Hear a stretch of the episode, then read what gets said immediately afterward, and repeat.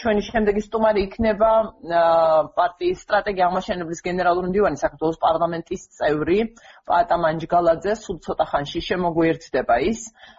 მანამდე კი გეტყვით რომ კიდევ ასე ვთქვათ მოვიტან ციტატებს განცხადებიდან გუშინდელი განცხადებიდან ქართული ოცნებისა ცხადია ცენტრალური ინტერესის საგანი ეს არის სწორედ და ცხადია ყველაზე მეტი შეკითხვა სწორედ ქართული ოცნების წარმომადგენელთან მექნებოდა, თუმცა სამწუხაროდ ამჯერად ვერ მოხერხდა კომუნიკაცია რომ უზრუნველყო მონაწილეობა პარტიის წარმომადგენლის გადაცემაში, იმედი მაქვს მომავალში მოვახერხებთ ამას.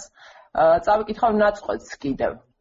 დოკუმენტის ხელმოწერიდან 100 დღის თავზე აშკარაა რომ მან თავისი მისია შეასრულა და თავი ამოწურა. მიუხედავად იმისა, რომ ოპოზიციონერი დეპუტატების ნახევარზე მეც შეთანხმებაზე ხელი დღემდე არ მოუწერია, ხედავთ რომ ჩვენი საერთაშორისო პარტნიორები საჭიროდ ართულიან რადიკალურ ოპოზიციას დოკუმენტის ხელმოწერა და მის აღსრულებაში მონაწილეობა მკაცრად მოსთხოვონ. ქვეყანა უკვე ახალი ადგილობრივი თვითმმართველობის არჩევნების რეჟიმზე გადავიდა. თვითმმართველობის არჩევნების ჩატარება იმ პოლიტიკური შეთანხმების ფონზე, რომელსაც მთავარი ოპოზიციური პარტია ხელს ქვეყნის ინტერესებისთვის დამაზიანებელია. ამ ქართული ოცნების მხრიდან პოლიტიკური შეთანხმების ამოწურულად გამოცხადება უალტერნატივო ნაბიჯად გვესახებაო განაცხადა გუშინდელ გუშინ ქართულმა ოცნებამ განაცხადა გადოებას და ჩვენი შემდეგი სტუმარი ბატონი პატა მანჯგალაძე საქართველოს პარლამენტის წევრი ფრაქცია შარლ მიშელის რეფორმების ჯგუფის წარმომადგენელი სტრატეგია აღმაშენებლის გენერალური მდივანი არის ახლა სატელეფონო ხაზზე დილამშვიდობის ბატონო პაატა. დილამშვიდობისა მივესალმები ჩვენ რადიოს უნარებს. დიდი მადლობა მონაწილეობისთვის გადაცემაში. აა თქვენი პარტიის ლიდერის გიორგი ვაშჩაძის განცხადებებიდან გამოვალ და პირველ კითხვას ასეც დაგისვამთ. შეთანხმება არსებობს თუ აღარ არსებობს დღეის მდგომარეობაში? რაც შეეხება შეთანხმებას 19 აპრილის კიდევ ერთხელ დადასტურდა რომ ის იყო ხელის მოწერა. სწორი ნაბიჯი სრული ილუსტრაცია მოხდა ქართული ოცნების ორ მთავარ საკითხში. ერთი რომ მათთვის დემოკრატია არაფერს არ ნიშნავს და მეორე ჩვენ დასავლური კურსი რასაც იყო საუბარი ნატოში და ევროკავშირის ინტეგრაცია პირდაპირ ეს იყო სამოქმედო გზა საქართველოს ნატოში შესვლის და ხელისუფლების მშვიდობიანი ცვლილებების.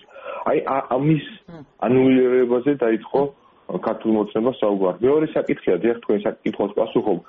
რამდენად მივცემთ ჩვენ ამის უფლებას, რომ ამის ანულირება მოხდეს ჩვენი დემოკრატიული განვითარების, ჩვენი დასავლური კურსის.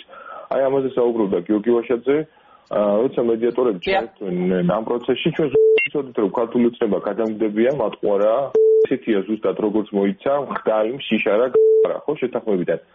მაგრამ ჩვენ ხეთ იმ გარანტიებით რომ ამის უკან იდგა ამერიკის შეერთებული შტატები ჩვენ ქონდა სიგნალი სახელმწიფო დეპარტამენტისგან მაშინ და ასევე უმაღლესი ინსტიტუტი ევროპის ევროპის პრეზიდენტი იყო ჩართული და ის იყო გარანტია ამ შეთანხმების შესრულების ხო? ანუ პატა ეს წუთს ბოდიშ მოგიხდით მსმენელს მინდა ვუთხრა რომ ზარებს ზარები ვერ შემოყავს ტექნიკური მიზეზის გამო. სრულიად და დიდბოდის სუხთი ამისთვის. შესაძლებელი არის პირდაპირ კომენტარები დაწერო რადიო თავისუფლების დილის საუბრების Facebook-ის გვერდზე დილის საუბრები. აკრიფეთ ქართულად Facebook-ში და შეგიძლიათ იქ თქვენი მოსაზრებები და შეკითხვები მოიწეროთ. ამ გადაცემის ანონსის ქვეშ ბოდის სუხთი ამ ტექნიკური შეზღუდვისთვის და გისმენთ ბოდიში თქვენთანაც ბატა გაგაწყვეტინეთ. არა არა ხშავს ესე იგი ვწაუბრობდით რომ ამერიკის სახელმწიფო დეპარტამენტის სახელმწიფო მდივანი ერთი მხრიდან მეორე მხრიდან ევროპის უმაღლესი ინსტიტუცია, ხო? ევროსაბჭოს პრეზიდენტი იყო ჩართული. ამათმა აიღეს გარანტია, რომ აა დოკუმენტი შესრულებული იყო. ასე მონაწილეობა ამ პროცესს ყავდა სამი მხარე, ოპოზიცია, ხელისუფლება და ასევე მედიატორები, ჩვენი საერთაშორისო პარტნიორები. ერთი მხარის გასვლა ნების დაფიქსირება აქედან მე მგონი ცალსახად აღნიშნავს შეთანხმების შესრულებას, ეხლა უნდა ამუშავდეს საერთაშორისო საერთაშორისო მექანიზმები იძულებს ხელისუფლებაზე და არა ხალხზე და არა ქვეყანაზე.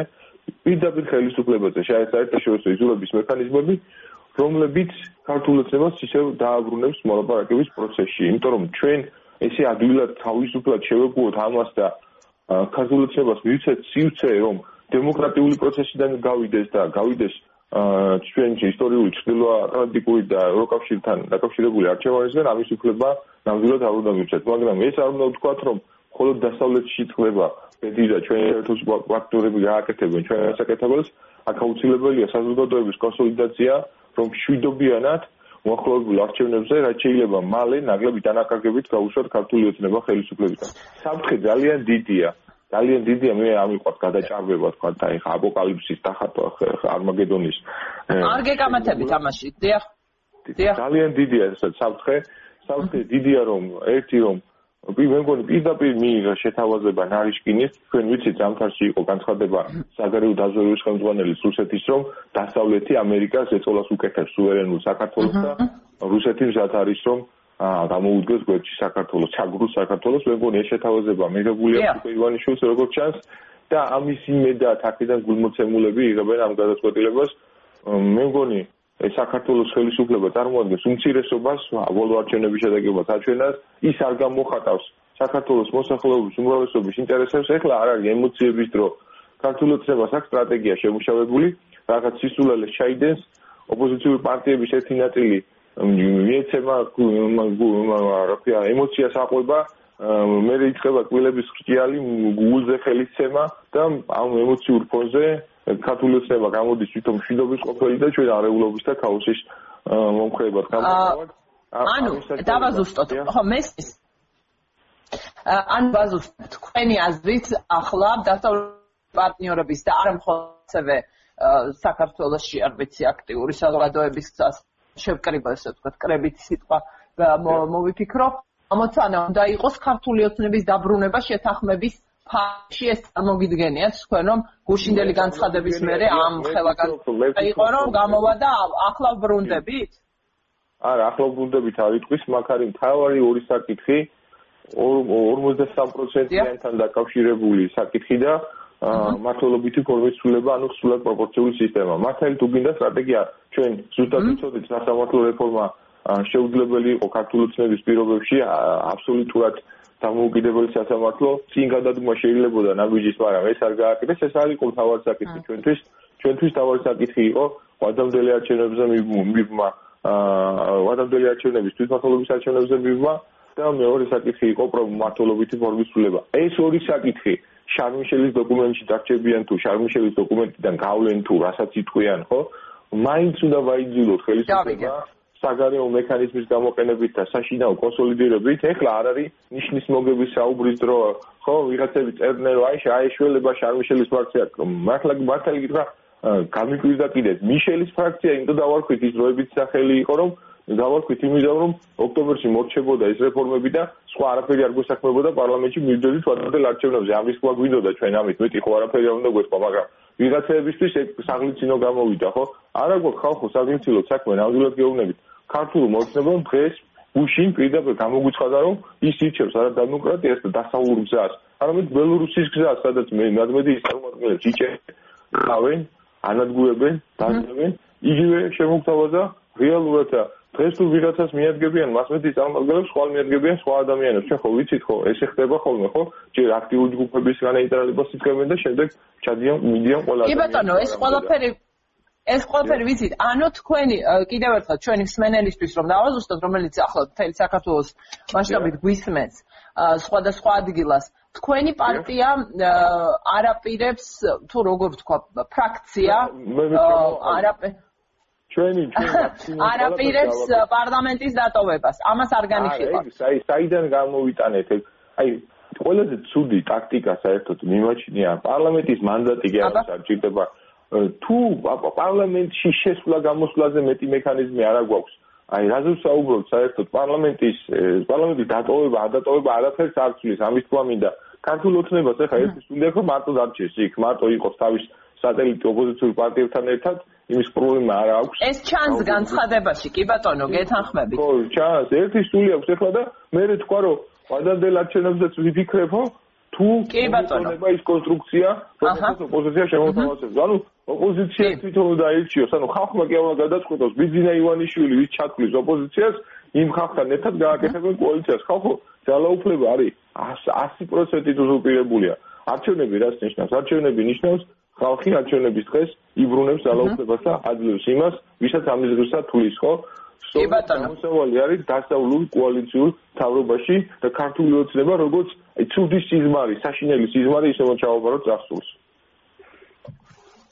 ხო, სერიოზული გამოწვევა ქვეყნისთვის ეს გადაწყვეტილება გუშინდელი, მაგრამ ასევე სერიოზული გამოწვევა არის უპირველესად ქვეყნისთვის და ზეპარტიული და პარტიების მიღმა ამბავია აბსოლუტურად, მაგრამ სერიოზული გამოწვევა არის ოპოზიციისთვის, ასე ვთქვათ, გადმოგდებული ქართული ოცნების მიერ, რომ არჩევნებამდე ძალიან ცოტა ხნით ადრე ასეთ სulis, როგორ თქვა, რეჟიმს, პოლიტიკურ გარემოს კიდევ უფრო ამწოვებს, რომ პრაქტიკულად ისედაც არ იყო დიდი სივრცე და დარჩენილი რეალურ პრობლემებზე სამსჯელოც და რეალურად საარჩევნო კამპანიის საწარმოებლად და მე აღარ ვიცი სადმე თუ რჩება ეს სივრცე ამ მრჩევლისთვის. დიახ, და დავასრულოთ ამით დღეს. დიახ, ძალიან მოკლედ ვიტყვი. არავის პირდაპირ შემიძლია თქვა მე ვსაუბრობ ახლა სტრატეგია აღმოჩენილი სახელით. ჩვენ მიუხედავად იმისა, რომ მორალურად, იმიჯურად თქვა ზიანიც მივიღეთ ხელის მოწერის გამო, იმიტომ რომ განსხვავებული აზრის პატრიცემა დიდი კულტურა არ არის საქართველოსში და ამის გამო ათასი ინსინუაცია არსებობდა, კიდევ ერთხელ დადასტურდა სწორედ მიშელის დოკუმენტმა განაპირობა სრული ილუსტრაცია ქართული ოცნების და სწორედ კი არ აწყობდა ქართული ოცნება, სწორედ ქართული ოცნება გაიცა ამ შეთანხმების პირობებიდან. ცდილობს გაქცევას ამ პირობებისგან, იმიტომ რომ ეს იყო არჩევნების დემოკრატ არჩევნების დემოკრატიულად გზით ხელისუფლების ცვლილების საშუალება, ხო? არეულობა რუსეთის სტრატეგიაში უწერიათ, რომ თავარი მოკავშირე არის არა რომელიმე პიროვნება, არამედ არეულობა და ქაოსი და სწორედ ამ არეულობისაგან და ქაოსისგან დაღწევის საშუალება იყო მიშელის დოკუმენტი, მაგრამ სამწუხაროდ როგორც ჩანს საბოლოო არჩევანი გააკეთეს, ასე ჩვენი ტრის სასარგებლოდ საქართველოს ინტერესების შესაძლებლად მათ პირდაპირ გითხრეს რომ ძალაუფლების შენარჩუნება არის. ნომერ პირველი ამოცანა და დანარჩენი ყველაფერი მათ შორის სახელმწიფოც ჩვენი დემოკრატიაც იქნება ამ მიზნების სამსახურში. თუ ეს შეეწინააღმდეგება ძალაუფლების შენარჩუნების ამოცანას ყველაფერს გააკეთებენ რომ როგორც ავტოკრატიები ყველაფერს გააკეთებენ ამ ძალაუფლების შენარჩუნებისთვის და ამის საკადრისი პასუხია არა ემოცია და გულზე ხელის ჯირი და რაღაცა ძალას ძალა დაუპირისპირო და ეს საფათოა ძალიან პრინციპული პოზიცია, კონცივი გონების პოზიცია მივიდეთ არჩევნებზე და შემოვხაზოთ 51-ის გარდა ნებისმიერ ნომერი. ეს არის გამოსავალი. არა უნდა უცხო ქართულოცებას. გმადლობთ, დიდი მადლობა, დიდი მადლობა მოსაზრების გაზიარებისთვის პატა მანჯგალაძე, სტრატეგია აღმაშენებლის გენერალური მდივანი საქართველოს პარლამენტის წევრი იყო ჩვენი გადაცემის სტუმარი.